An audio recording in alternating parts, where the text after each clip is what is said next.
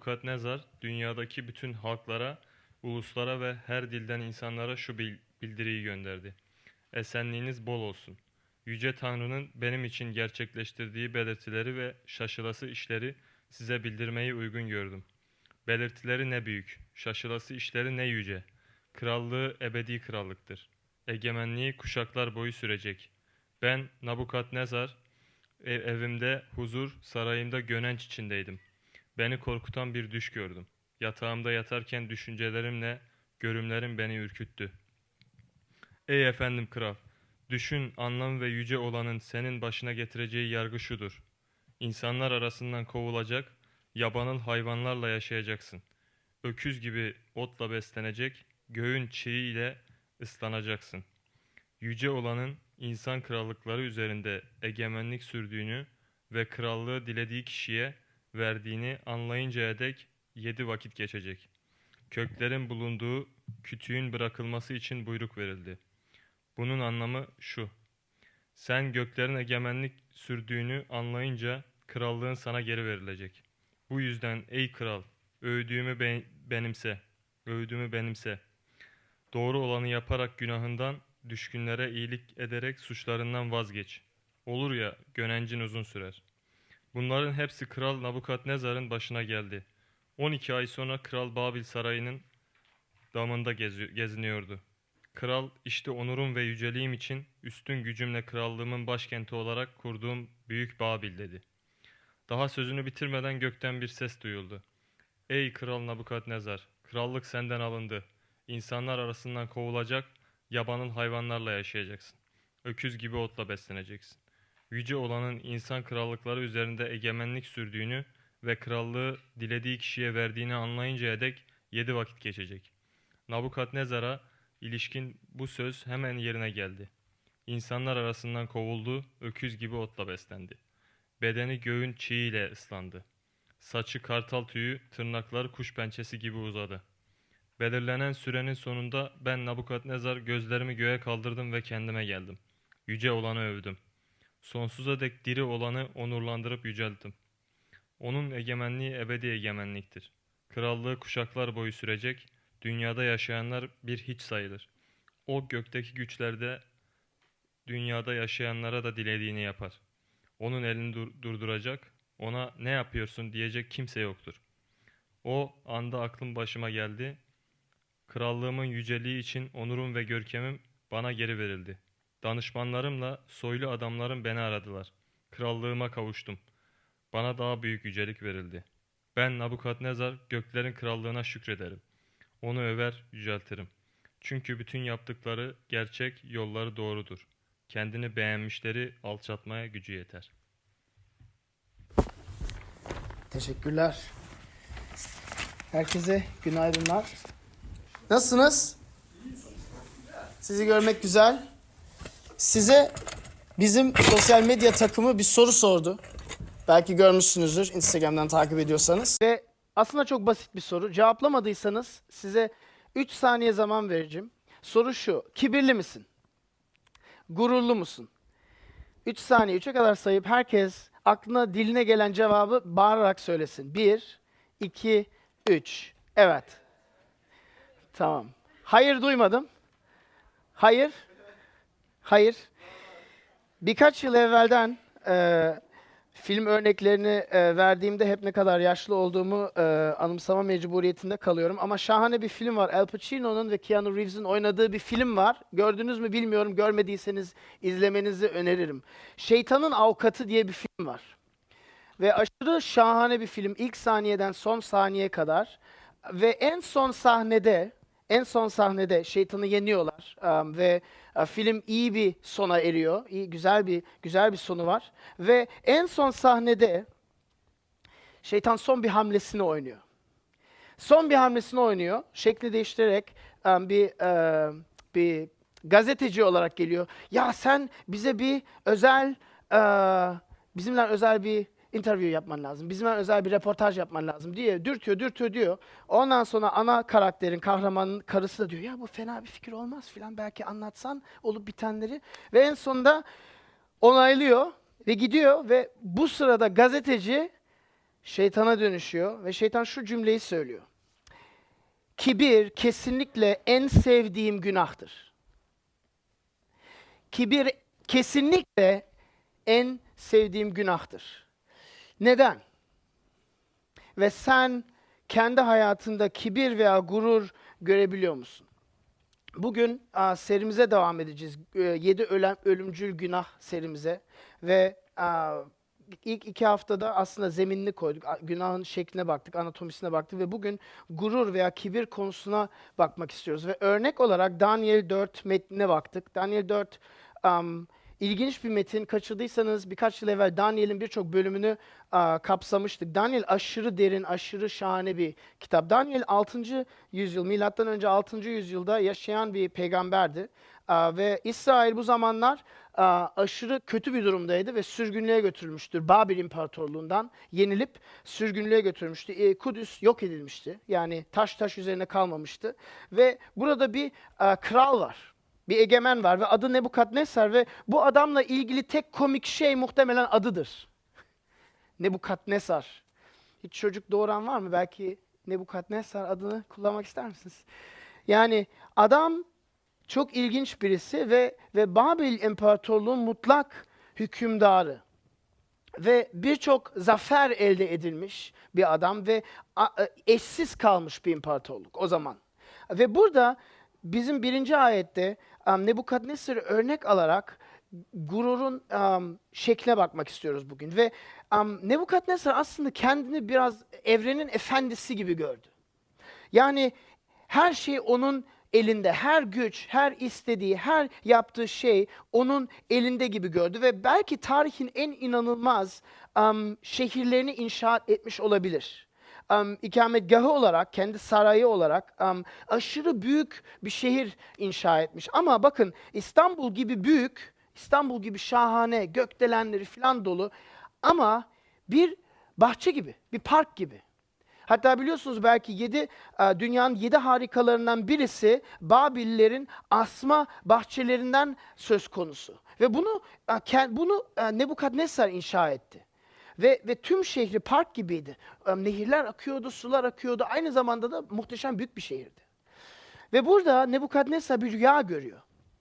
Ve rüya çok rahatsız edici bir rüya. Adamı çok korkutan bir rüya ve yorumunu bulamıyor. Ve yorumunu bulamadığı için Daniel'i çağırıyor. Daniel bilim adamı gibi. Ve Daniel'i çağırıyor diyor bu yorumunu bana ver diyor. Ve bakın bu metnin bize şunu gösteriyor. Hayat zirvesinde bulunan bir adamın hayatı parçalanıyor.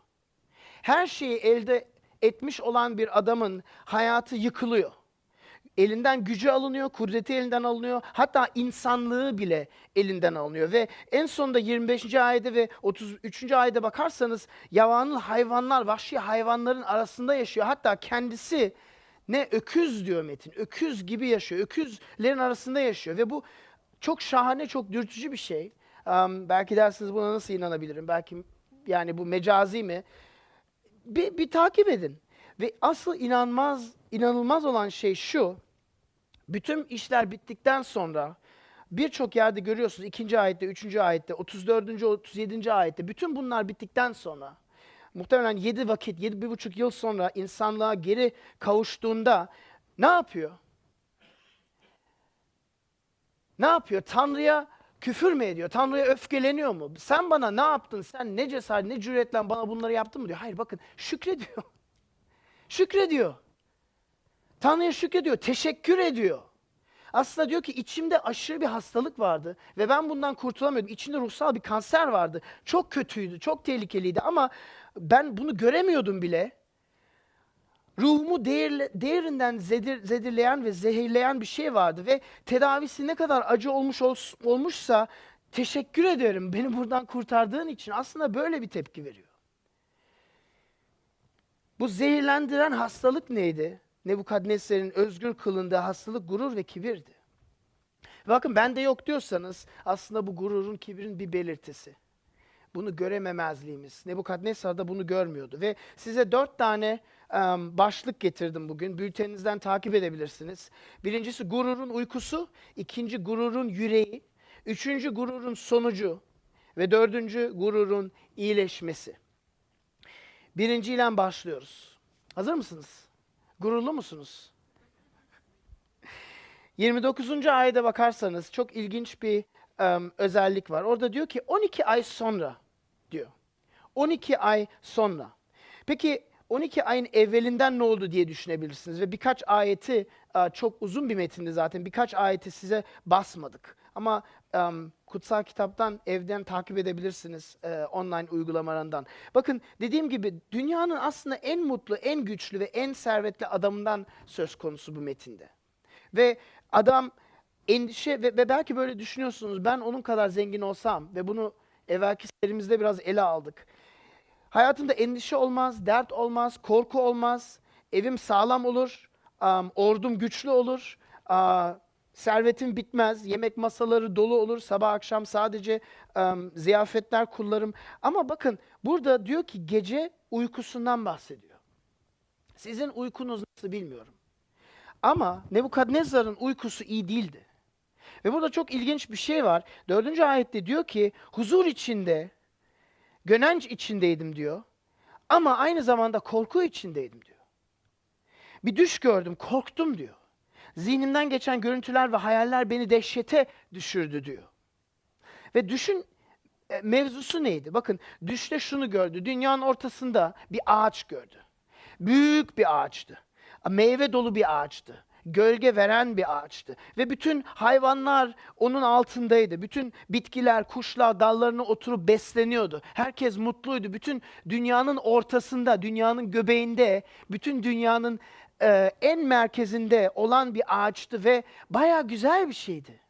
Ve sonra birden rüyasında bir ses geliyor, yüksek seslen bir ses geliyor ve bu ses bir emir veriyor. Ve diyor ki kesin bu ağacı diyor. Kesin ağacı, kesin dallarını. Hayvanlar kaçsın, kuşlar başka yere gitsin.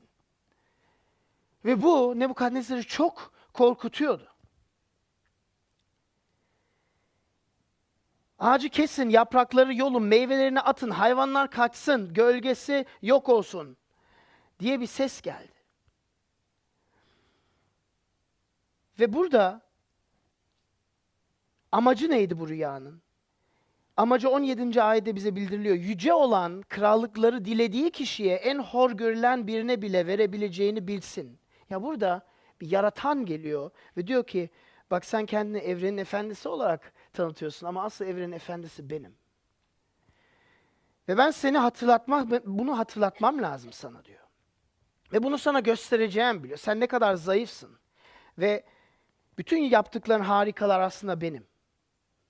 Ve benim egemenliğimin altındasın diyor. Ve, ve Daniel'i çağırıyor ve Daniel kralı görüyor. Ve Daniel korkuyor diyor. Ben bunu nasıl söyleyeceğim? Biliyorsunuz eski zamanlarda kötü haberi getiren insan genelde kafasını keserlerdi. Şimdi Daniel geliyor, rüyayı duyuyor, rüyanın yorumunu biliyor. Diyor ki ya ben bunu söylesem mi söylemesem mi? Söylemesem belki daha iyi olabilir. Ama en sonunda rüyayı açıklıyor. Diyor ki kralım bu ağaç sensin. Allah seni alçaltacak. Allah seni yargılayacak. Ki anlayasın ki evrenin efendisi odur. Ve sonunda diyor ki krala iyilik yapmak istiyor Daniel. Daniel kralı seviyor. Merhametli bir yaklaşım var. Diyor ki 27. ayette okuyabilirsiniz. Yolunu değiştir. İtiraf et. Tövbe et. Ki belki bunlar başına gelmez. Yolunu değiştir. İtiraf et. Belki bunlar başına gelmez. Ve Tanrı ne kadar bekliyor biliyor musunuz? Bir gün değil, iki gün değil, üç gün değil, bir ay değil, beş ay değil, on iki ay bekliyor. Ne kadar sabırlı bir Tanrı. 12 ay bekliyor. Ve 12 ay sonra Allah sabırlı ve merhametli bekledikten sonra, uyardıktan sonra, düşler gönderdikten sonra, Daniel gibi bir öğütçü gönderdikten sonra ve belki bugün siz buradasınız ve belki sizin hayatınızda da böyle sesler vardır. Belki rüyalar görüyorsunuz. Belki sizin hayatınızda Daniel gibi bir öğütçü vardır. Size iyilik şeyler söylüyordur. Ama kulak asıyor muyuz? Belki bir Daniel sizi buraya getirdi bugün, davet etti. Ve hoş geldiniz. İyi ki geldiniz. Ama 12 ay sonra en sonunda sözler gerçekleşiyor. Ve bakın burada size göstermek istediğim şey gururun uykusu. Huzursuz bir uyku. Her şey elinizde olabilir ama akşam yattığınızda uyuyamıyorsunuz. Ve tabii uyku düzeni bozukluğun birçok sebebi vardır ama burada bize örnek verilen şey bu uyku düzeninin bozulmasının sebebi gurur. Peki bana sorarsanız peki başka nasıl olabilir? Size karşıt bir örnek vereyim. Davut'tan bahsedelim biraz. Davut biliyorsunuz İsrail kralın e, İsrail ülkesi halkının ikinci kralıydı. Ve Davut Mezmur 4'te düşmanlarından e, peşinde olduğunda, açık tarlalarda uyuma mecburiyetinde kaldığında şu mezmuru yazıyor, şu e, övgüyü yazıyor. Diyor ki huzur içinde yatar uyurum. Çünkü yalnız sen ya Rab güvenlik içinde tutarsın beni. Adamın krallığı daha yok, evi yok, am, yuvası yok. Herkes peşinde, düşmanları öldürmek istiyor, açık tarlada yatıyor ve bu mezmuru yazıyor bize. İlginç bir karşıt örnek değil mi? Başka yerde Mezmur 23'te yine düşmanlarından bahsettiğinde diyor ki karanlık ölüm vadisinden geçsem bile korkmam. Çünkü sen benimlesin Tanrım. Çomağım, değneğim, güven veren sensin bana. Bakın ne kadar karşıt ve size birinci noktada sormak istiyorum. Siz daha fazla Nebukadnesar gibisiniz yoksa Davut gibi misiniz? Siz akşam yattığınızda endişe dolu, belki birçok endişe edilecek şey var ve haklısınız. Zor zamanlardan geçiyoruz. Ama uyku düzeniniz Nebukadnesar gibi mi yoksa Davut gibi mi? Metin bize bu soruyu soruyor. Nebukadnesar'ın elinde her şey vardı. Ama gururun uykusu hiçbir zaman huzurlu olmaz. Hiçbir zaman rahat olmaz. Servet ve gönenç içinde saraylarınızda otursanız bile Tanrı sizin uykunuzu bozuyor ve bu bir merhamet, bu bir iyilik. Sizi uyarıyor. İkinci başlığa gelelim. Gururun yüreği. Um, Nebukadnezar Daniel'i dinlemiyor ve 12 ay sonra 30. ayette okuduğunuzda ne görüyorsunuz? Kral işte onurum ve yüceliğim, işte üstün gücümle krallığın başkenti olarak kurduğum büyük Babil. Adam çıkıyor sarayın üstüne bakıyor bak bak ben neler yaptım. Ben neler inşaat ettim. Ben ne kadar dev ve dağ bir adamım. Bakın gururun yüreği bu. Gururun yüreği tam bu. İkinci noktada sizinle paylaşmak istediğimiz bu. Ve bakın hepimizde var bu. ben de yok demeyin. Hepimizde var. Soru var mı yok mu değil. Ne zaman ve hangi şekillerde kibirli davranıyorsunuz? Ben düşündüm metne üzerine düşündüm. İki tane örnek geldi. Pandemi sürecinde birçok bir eğitim yaptık ve dünyanın e, dört bir yanından birçok e, e, eğitimciyle beraber bir yerdeydik ve makaleler gönderildi. 30-20 tane makale gönderildi ve her ay bir iki makale üzerine konuştuk ve benim en hayran kaldığım bir makale yani 12. veya 13. makaleydi ve ben hayran kaldım dedim ya bu şahane bir makale. O kadar derin, o kadar güzel ve böyle dört gözle bekliyordum. İple çekiyordum o toplantımızı. Bütün Avrupa ve Asya'nın um, benim gibi olan uh, eğitmenlerin beraber gelmesini ve bir de baktım hiç kimse metni anlamamış. hiç kimse, herkes diyor ya vallahi okuduk ama çok zor. Ve ben ne düşündüm biliyor musun? Ya nasıl anlamadınız bu metni? Nasıl anlamadınız? Bakın gururun yüreği bu. Veya birkaç yıl evvel kayağa gittik. Ve ben artık o kadar genç sayılmam. Benden 10 yaş daha genç bir arkadaşla gittim. Yarı gün geçti, arkadaşım yoruldu. Dedim ya sen nasıl yorulursun? Ben senden 10 yaş büyüğüm. Ben yorulmadım. Bakın gu- gururun yüreği, kibirlik bu. Siz de görüyor musunuz hayatınızda? Hepimizde var. Ve bakın sizinle bakmak istiyorum, özelliklerine bakmak istiyorum. Gururun yüreğinin özelliğine bakmak istiyorum. Ve gururun özelliği şudur. Hayatınıza baktığınızda belki bir şey elde ettiniz, belki bir marifet, belki gerçekten bir şeyler yaptınız ve bakıyorsunuz diyorsunuz ben yaptım bunu. Kendi gücümle yaptım. Kendi çabamla yaptım. Kendi akılımla yaptım. Ben başardım.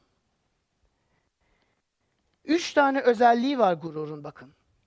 Yaşamda iyi şeylerle karşılaştırdığı, karşılaştığınızda diyorsunuz ki bunu benim sayemde elde ettim. Kendi gücümle elde ettim. Kendi aklımla, kendi çabamla bunu başardım.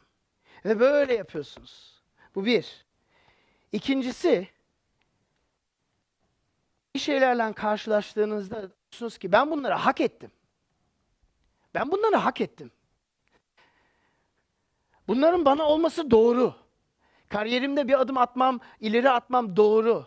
Beni herkesin övmesi doğru çünkü hak ettim. Bu ikinci özellik kibrin. Üçüncü özellik hayatınızda kötü şeylerle karşılaştığınızda kıyaslamaya başlıyorsunuz. İşler yolunda gitmemezliğine başladığını diyorsun ki diğer insanlardan ben fazla acı çekiyorum. Ben bunu neden çekiyorum? Benim hayatım neden bu kadar fazla zor? Bu adil değil. Bunu ben hak etmedim. Ben her şeyin iyi gitmesini hak ettim. O kadar bunları yaptım bak. Bunu yaptım, bunu yaptım, bunu yaptım, bunu yaptım. Bunu yaptım. Pazar günü kiliseye gittim. Herkese bunu yaptım. Neden bunlar benimle karşı karşıya geliyor? Bakın gu- gururun yüreği bu üç şeyden mübarek oluyor.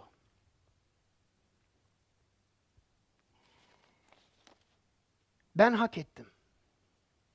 Ben başardım. Ve Nebukadnesar 30. ayette aynı bunu yapıyor. Sarayın tepesine çıkıyor ve bakıyor diyor ki bak neler yaptım. Elimin gücüyle neler yaptım diyor. Gururun yüreği aldığımdan fazlasını da hak ediyorum iddia etmek. Ve bakın metinden bir adım geri atıp sizin hayatınıza bakalım. Beraber bizim hayatımıza. Siz bunu kendi hayatınızda görüyor musunuz? Hangi şekilde görüyorsunuz? Görüyor musunuz sormayayım. Nerede görüyorsunuz? Belki belki etrafınıza bakıyorsunuz diyorsunuz, "Aa benim yaşım 30 oldu.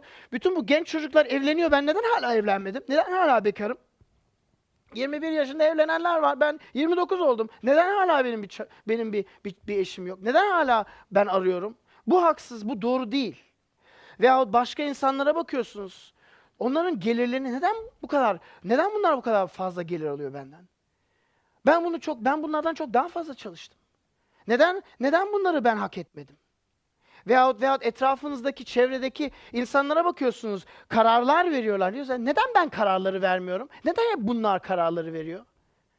Neden hep hep ben eee başkalarının söylediğini yapmam lazım? Bakın bu kilisede olan da bir şey.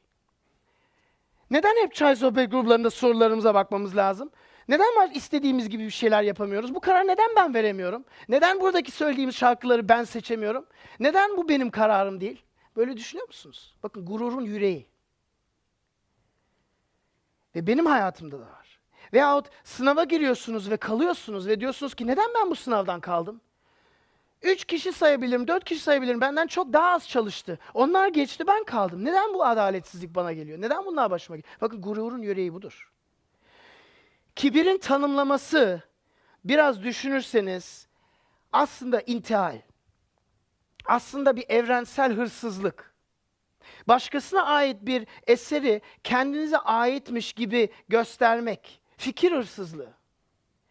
Bir örnek vereyim. Birkaç yıl evvel bazı ülkelerde ilginç bir şey başladı. Politikacıların kariyerleri bitmeye başladı. Neden başladı? Çünkü doktoralarını yapmışlar ve doktoralarında, doktora tezlerini yazarken başka eserlerden çalmışlar ama alıntı gibi yazmamışlar. Ve bir ve bir hareket başladı. Bütün politikacıların doktoralarını eleştirmeye başladılar. Ben diyorum iyi ki ben bir iki politikacı değilim. Bana ne zaman gelecekler? Ve bunlar politik kariyerlerini bitirdiler.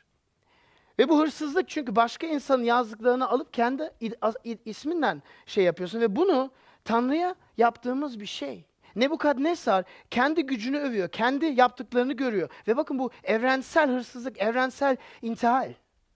Hayatımın yazarı benim iddiasında bulunmak. İntihal.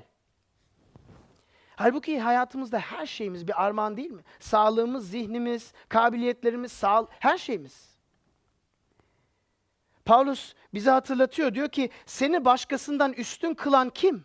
Tanrı'dan almadığın neyin var ki? Madem aldın öyleyse niçin almamış gibi kendini övüyorsun? Problem ne olduğunu görüyor musunuz? Alçak gönüllülükle karşılaştırırsak, hayatında iyi şeylerle karşılaştığında sen ben bunu hak ettim demiyorsun. Ben bunu kendi gücümle yaptım demiyorsun. Sen diyorsun ki vay be bu bir armağan. Bunu hak etmemişim. Rabbe yücelikler olsun. Rab ben bunu hak etmedim. Sen bana hak ettiğimi verseydin ben mahvolurum, mah- mahvolurdum ama yine de verdiğin için sana şükür ediyorum. Odak noktamız başka yerde. Ve Nebukadnesar bakın şunu söylemem lazım. Gerçekten dahi bir liderdi. Aşırı iyi bir politikacıydı. Savaşçıydı. Savaşlarında ilk sırada e, savaşan birisiydi. E bu yeteneği ona kim verdi? Kendimizden bahsedelim, sizden bahsedelim. Bakın doğuşumuzu biz kararlamadık. Ve benim ba- bazı arkadaşlarım var diyor ki ben doğmak isteyip istemediğimi bana kimse sormadı. İşte bak gur- gururun yüreği, kibrin yüreği bu. Sen kimsin ki sana izin istemesi lazım bir tanrı bir, bir yaratan varsa? Doğuş yerimizi biz belirlemedik. Doğuş yılımızı belirlemedik. Doğuş ülkemizi, ırkımızı belirlemedik. Hangi ailede doğacağımızı belirlemedik. Cinsiyetimizi kendimiz belirlemedik. Zekamızı, sağlığımızı biz belirlemedik. Hepsi kontrol dışı.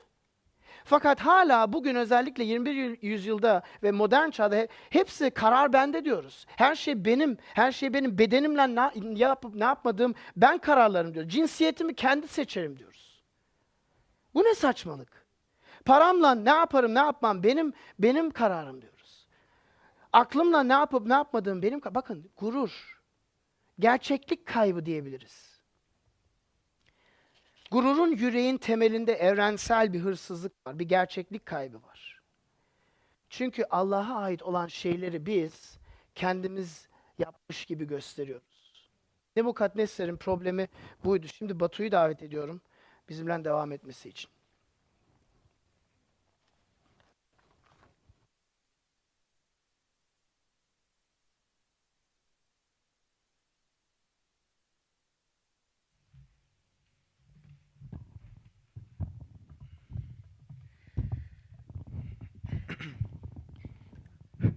Selamlar. Hepiniz tekrardan hoş geldiniz. İlk iki noktaya Bilge abiyle beraber baktık. Üçüncü ve dördüncü noktaya benimle beraber bakıyor olacağız. Üçüncü noktamız gururun sonucu. Sihirli Annem dizisini izlediniz mi? Sihirli Annem'de bir Dudu Peri vardı. O Dudu Peri kocasını bir köpeğe çevirmişti. Ben bu Daniel 4 mektubunu okurken, metnini okurken aklıma bu geliyordu. Nebukadnesar'ın başından geçen olaylar da bunun gibi. Ee, bütün dizi boyunca hiç, hiç, gerçekten hiç neden o bir köpeğe döndü anlatılmadı. Bakalım buna benzer bir şey göreceğiz. Bugün buraya gelmeden önce belki hiç düşünmediniz. Ben gururlu muyum, gururlu değil miyim? Hiç aklınıza gelmedi bu soru. Olabilir. Ee, Bilge abi anlatırken de belki dediniz ben zaten gururlu değilim. Yani benim bunu dinlemeye ihtiyacım yok. Yani bu anlatanlar önce kendilerine baksınlar. Ya da ben Nebukadnesar kadar gururlu değilim diye olabilirsiniz. O zaman size soruyorum. Peki Nebukadnesar ne kadar gururluydu? Cevap senin benim kadar. Ne kadar gururlu olduğumuzu fark etmemiz için en sonunda size birkaç soru vereceğim. Bir yol göstereceğim merak etmeyin. Nebukadnesar rüyasını Daniel'e anlattı. Çünkü çevresinde bu rüyayı yorumlayacak başka kimse yoktu. Bulamamıştı. Nebukadnesar Daniel'e anlattı. Daniel anlattıktan sonra Daniel ona öğütler verdi. Bak böyle böyle böyle olacak. Sen günahlarından dön ki belki daha geç olur. Daha geç olmasını sağlarsın dedi. Ama Nebukadnesar o, o kadar yanlı değildi. Aradan 12 ay geçti. 29. ayette bakabilirsiniz. Bir gün damında, kendi balkonunda böyle geziniyordu. Böyle bakıyordu. Türk değildi Nebukadnesar ama Türk olsaydı diyecekti ki ah ah ne güzel yapmışım ya. Ama Türk değildi. Şunları söyledi. 30. ayetten bakın lütfen. İşte onurum ve yüceliğim için üstün gücümle krallığımın başkenti olarak kurduğum Büyük Babil. Kaç tane ben, benim ifadesi var. Saymak zor. Fakat sözünü bitirmeden o güzel balkonunun, o güzel damının balkonunda gökten bir ses duyuldu. Ve bir anda o atmosfer kayboldu çünkü böyle güzel bir an yaşıyordu. O bir anda atmosferi kaybetti. Ey kral Nebukadnesar, krallık senden alındı. İnsanlar arasından kovulacak, yabanıl hayvanlarla yaşayacaksın. Öküz gibi otla besleneceksin. Krallık Nebukadnesar'dan alındığı yetmedi. Yabanıl hayvanlarla yaşamak ve öküz gibi otla beslenmek zorunda kaldı. Yani bir hayvana dönüştü. Artık onun delirdiğini anlıyoruz. E tabii bu fizyolojik bir şey değil. Bu, bu, bu fizyolojik bir şeydi. Beyin kimyasıyla ilgili bir şeydi. Kendini bir hayvan sanıyordu. Yedi zaman hayvan olarak yaşamaya başladı. Belki yedi ay, belki yedi mevsim, belki yedi yıl. Bu e, fallarda falan diyorlar üç vakte kadar. Yani yedi vakte kadar hayvan gibi yaşadı. Krallıktan hayvanlığa. Tanrı Nebukadnesar'a şöyle diyordu. Nebukadnesar beni dinle. Sen yarattığımdan daha fazlası olmaya çalışırken kendini senin yarattığından daha da alçak hale getirdin. Bir insandan daha fazlası olmayı arzuladığın için bir insandan daha az oldun. Bunu gör diyor. Tanrı bunu iş olsun diye kafası estiği için yapmadı. Bir amaç uğruna yaptı. Canı istediği için yapmadı. Nebukadnezar'a onun gururunun ona ne yaptığını göstermeye çalışıyordu. Bizlere gururumuzun insana ne yaptığını göstermeye çalışıyordu. Mesela çocuğun sana yalan söylediği zaman da ona yaptığının sonucunun ne olduğunu gösteriyorsun ki anlasın. Diyorsun ki bak sen yalan söylüyorsun. Eğer yalan söylemeye devam edersen ileride arkadaşın olmaz. Eğer daha büyük yalanlar söylersen hapse girersin. Hayatını affedersin. Böyle çocuğumuzu uyarıyoruz. Fark etmesi için. Sonra da diyoruz ki tamam şimdi bir hafta sokağa çıkamazsın. Arkadaşlarına buluşamazsın. Çünkü biz senin artık söylediklerine güvenemeyiz. Rab burada bir ebeveyn gibi Nebukadnesar'a ona inanmayan, gavur olan bir krala ders veriyor. Onu bir anne baba gibi eğitiyor.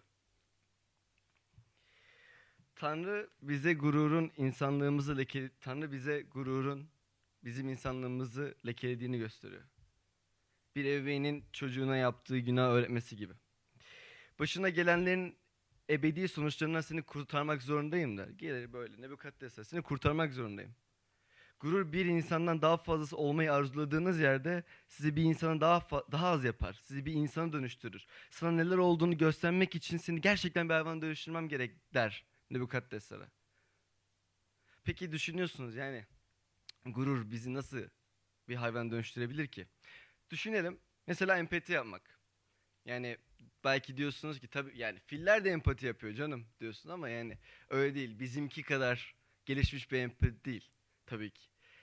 Empati yapmayı bıraktığımız yerde mesela bir bir müteahhit olarak empati yapmayı bıraktığımız yerde yaptığımız evde yaşayan insanları düşünmeyeceğiz.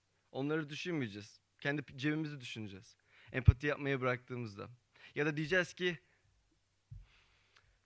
ben oturacağım evi seçerken dayanıklılığına bakıyorum. Onlar gibi aptallık yapmıyorum. Hayvanlık gerçekten böyle bir şey olabilir mi? Empati yapmayı bıraktığın zaman da empati yapmayı bıraktığın zaman da gururun bu kadar büyük olduğu zaman da geldiğin duruma bak. Gurur aslında kendini yükseltir gibi görünür.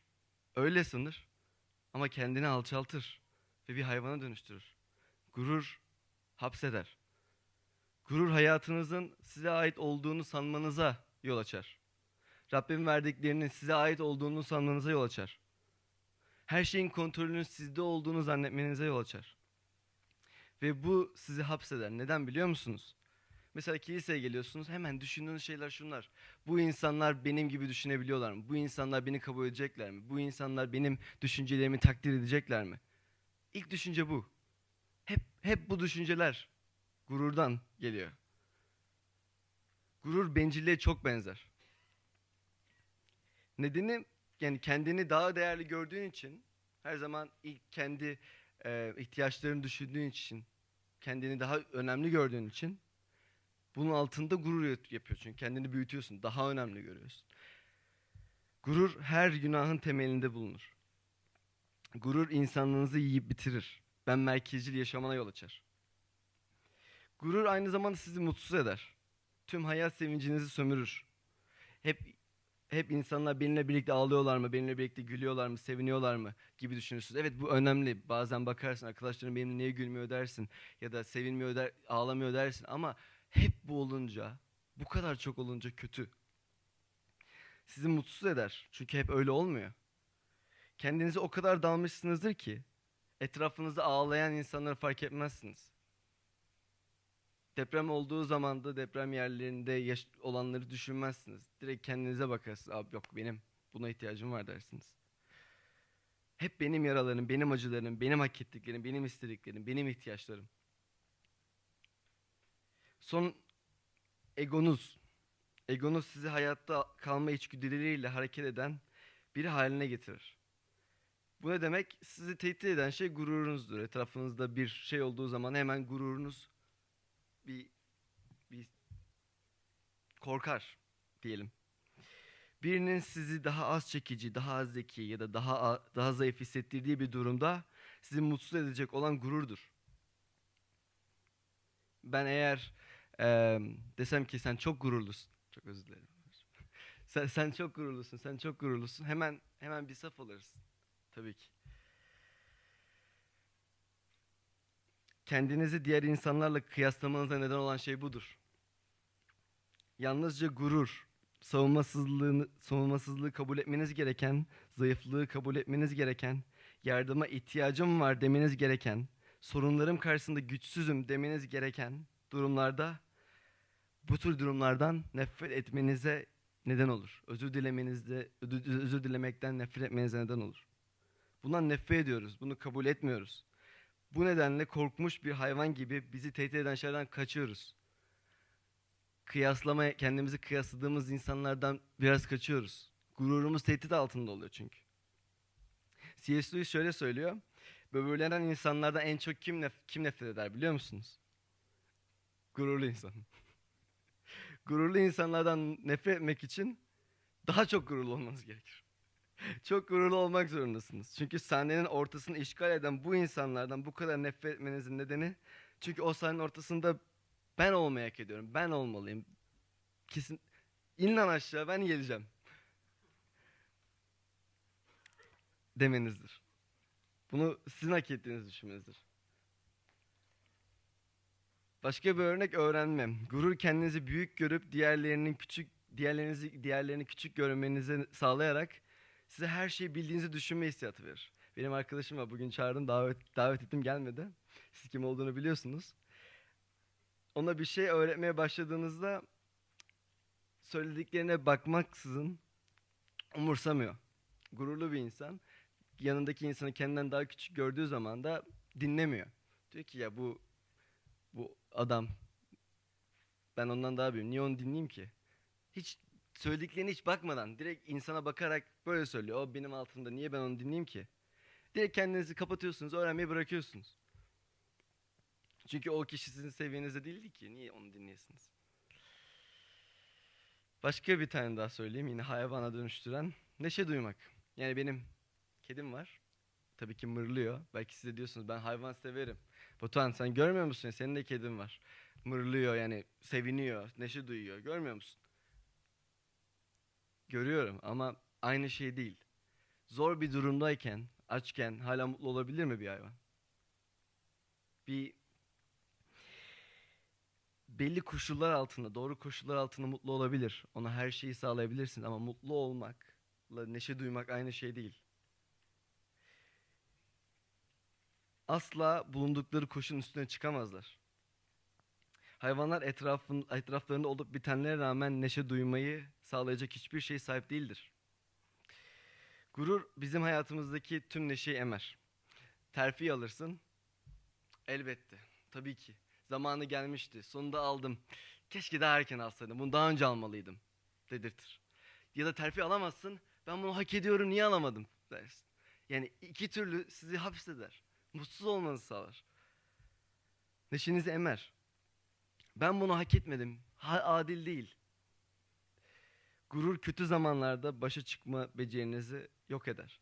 İyi zamanların iyiliğini ve neşesini emer, zehirler. Gurur önce tepeden bakar ve sonra seni aşağı çeker. İşte Nebukadnesar'ın durumu aynen bu. O yukarıdan baktı ve en sonunda bir hayvan ile eşdeğer oldu. Peki sizler gururlu olduğunuzu görmeye başladınız mı? Gururunuzun sizi bir yıkama götürdüğünü görüyor musunuz? Daha güzel bir noktaya geliyorum. Gururun iyileşmesi. Sizce gururun iyileşmesi mümkün mü? Az önce okuduğumuz met- metin üzerine görüyoruz ki mümkün ama maalesef bunu kendi başımıza yapamayız.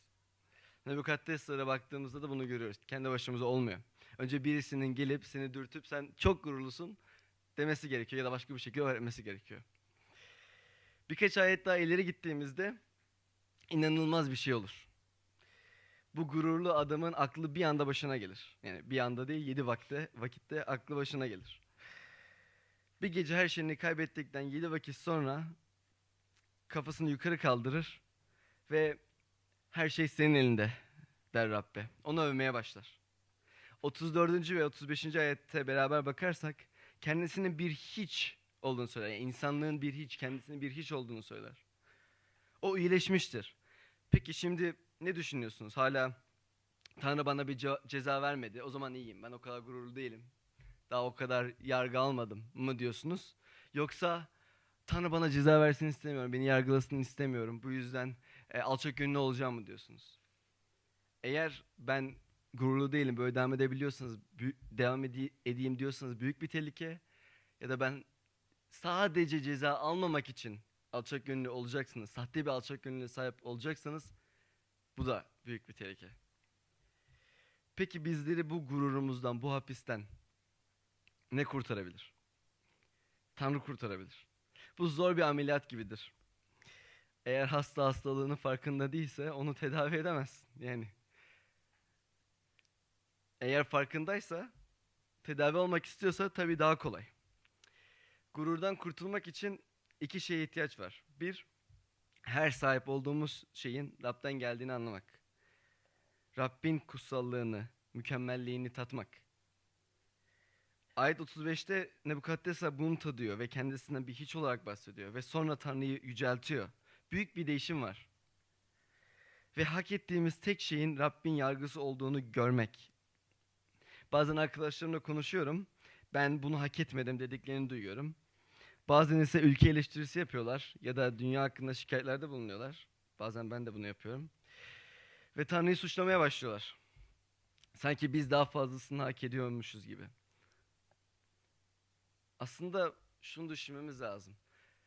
Gerçekten bizler daha fazlasını hak ediyoruz ama Tanrı bize vermiyor mu? Yoksa biz gerçekten hiçbir şey hak etmiyoruz ama Tanrı bize veriyor mu? İyi bir düşünmemiz lazım.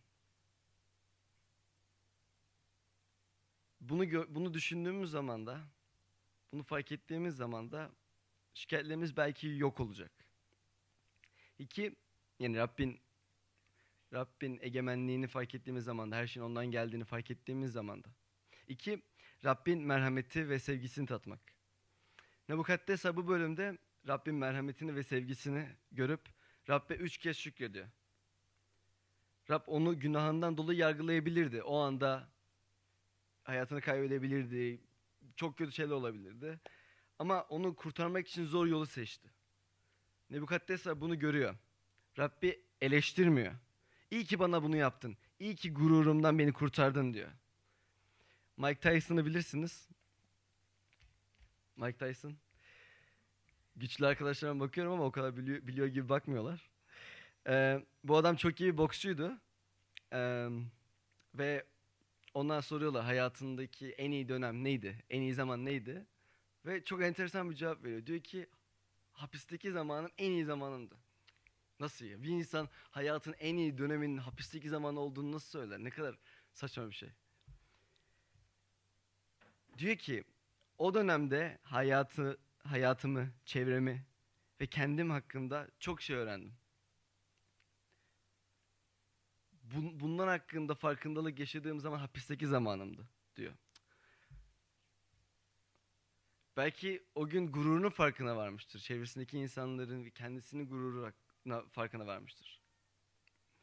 Mike Tyson hapiste farkındalık kazanması gibi Nebukadnezar da bir farkındalık kazanıyor. Bu yolda başına gelenlerin hepsi Tanrı'nın planı. Burada Tanrı'nın amacı Nebukadnezar'ı kurtarmak ve o da bunu görüyor. Bakın biz insanlar gururumuzla kendimizi büyütmeye çalışıyoruz. TDK'da gururun diğer anlamı büyüklenme. Biz kendimizi büyütmeye çalışıyoruz ve çalışırken daha değerli göstermeye çalışırken olduğumuzdan daha fazlası olmaya çalışırken daha az oluyoruz. Fakat Rab Rab Tanrı bizi gururun hapsinden çıkarmak için ve alçak gönüllü olabilmemizi sağlamak için, bizi günahlarımızdan kurtarmak ve kendine geri getirmek için asıl en yüce olan, en büyük olan, en değerli olan o olmasına rağmen bizler kendimizi yükseltmeye çalışarak hapsediyoruz diye o kendisini alçalttı. Dünyaya bir insan bedeni alarak geldi. Ve bizim günahlarımızın çekilmesi gereken bedelini o hiç günah işlememiş olmasına rağmen çarmıh cezası da çekti. Ve böylece amaçları yerine getirdi. Başarılı oldu. Onun gelişinden önce Yaşaya 52-13'te ve devamında onun hakkında yazan ayetleri sizin için okuyalım. Bakın, kulun başarılı olacak, üstün olacak, el üstünde tutulup alabildiğince yüceltilecek. Birçokları onun karşısında dehşete düşüyor. Biçimi, görünüşü öyle bozuldu ki insana benzer yanı kalmadı. İnsana benzer yanı kalmayan şey bu. Tanrı dünyaya geldi, kendini alçalttı, bu kadar alçalttı. Pek çok ulus ona şaşacak. Onun önünde kralların ağızları kapanacak. Çünkü kendilerine anlatılmamış olanı görecek. Duymadıklarını anlayacaklar. Onun çarmıhta bizim için yaptığı fedayı gör. Sana olan sevgisini gör. Kendi kendini kurtaramayacağını, evde 24 saat kutsal kitap okumanın seni kurtarmayacağını, hayatında sahip olduklarının ve bugüne kadar karşına çıkan her şeyin, her tanıdığın insanın Rab'den geldiğini, Rabbin yapıtı olduğunu fark et ve kabul et. Ve Rab her yaptığın doğrudur da. Ve gururunun büyüklüğünü gördükçe kendini daha çok alçalt. Rabbin senin için yaptıklarını hatırla ve gururunu terk et. Bu konuda Rabbe dua et. Ondan seni değiştirmesi için yardım iste. Şimdi şu ana kadar dinledin. Belki yarısında dinlemeyi bıraktın. Ve düşünüyorsun ki ben zaten dünyanın en alçak gönüllü insanıyım. Hala bunu düşünüyorum. Gurur konusu bende olan bir şey değil. Dinlememe gerek yoktu. Ama vaktimi çaldın ama tamam teşekkürler. Hala böyle düşünüyorsan ben size iki soru hazırladım. Bunu lütfen düşünün. Birincisi Tanrı'ya her yaptığın doğrudur diyebiliyor musun? Yoksa ben daha fazlasını hak ediyorum. Diyor musun? Yoksa ikinci soru paranı neye harcıyorsun? Hepsi benim. Ben hak ettim, ben çalıştım, ben kazandım ve hep ben harcayacağım mı diyorsun? Yoksa bu paranın Rabbin sağladığı iş sayesinde geldiğini, Rab'den geldiğini bilip ona göre mi harcıyorsun? Bu soruları düşünelim. Sizler için dua edeyim. Ve kendim için de tabii. Ya Rabbi İsa, huzuruna geliyoruz ve sana bugün için çok şükrediyoruz. Bizler kendi gururumuzun farkında olmayabiliyoruz. Kendimizi çok büyük görebiliyoruz. Kendimizi bu doğduğumuz şehirde eee, en büyük görüyoruz. Bu dünyada en büyük görüyoruz belki. Bize bize bu şehri veren, bize bu eğitimi veren, bugüne kadar geldiğimiz her şeyi sağlayan, ebeveynlerimize veren sen olduğunu görmüyoruz ve sanki her şeyi biz yapmışız gibi görüyoruz. Ve bununla gurur duyuyoruz. Ama fark etmemiz gereken şey her şey senden geliyor. Bize bunu daha çok göster ya Rab. Bize unuttuğumuzu sen bize hatırlat ya Rab. Söyle sen ne yapıyorsun? De bize göster. Ya Rab bizim için bizlerin, bizlerin kendini kurtaramayacağını bildiğin için sen geldin dünya kendini alçalttın. Biz kendi kurtuluşumuzla gururlanamaz haldeyiz. Çünkü sen bizi kurtardın. Ve bunun için şükrediyoruz ya Rab. Sen bizi gururumuzdan kurtar ve senin senin yaptığını daha iyi anlayabilmemizi sağla ya Rab. Diye dua ediyorum. Seni daha çok tanıyalım diye dua ediyorum ve çevremize alçak gönüllü bir şekilde yaklaşıp onlara yardım edebilelim diye dua ediyorum. Deprem konusunda bizler nasıl alçak gönüllü bir şekilde ellerim, ellerimiz, kollarımız verebildiğimiz her şeyin verebilelim. Bize bu konuda gururumuzu yok et ve alçak gönüllü bir şekilde verebilelim diye dua ediyorum. Amin.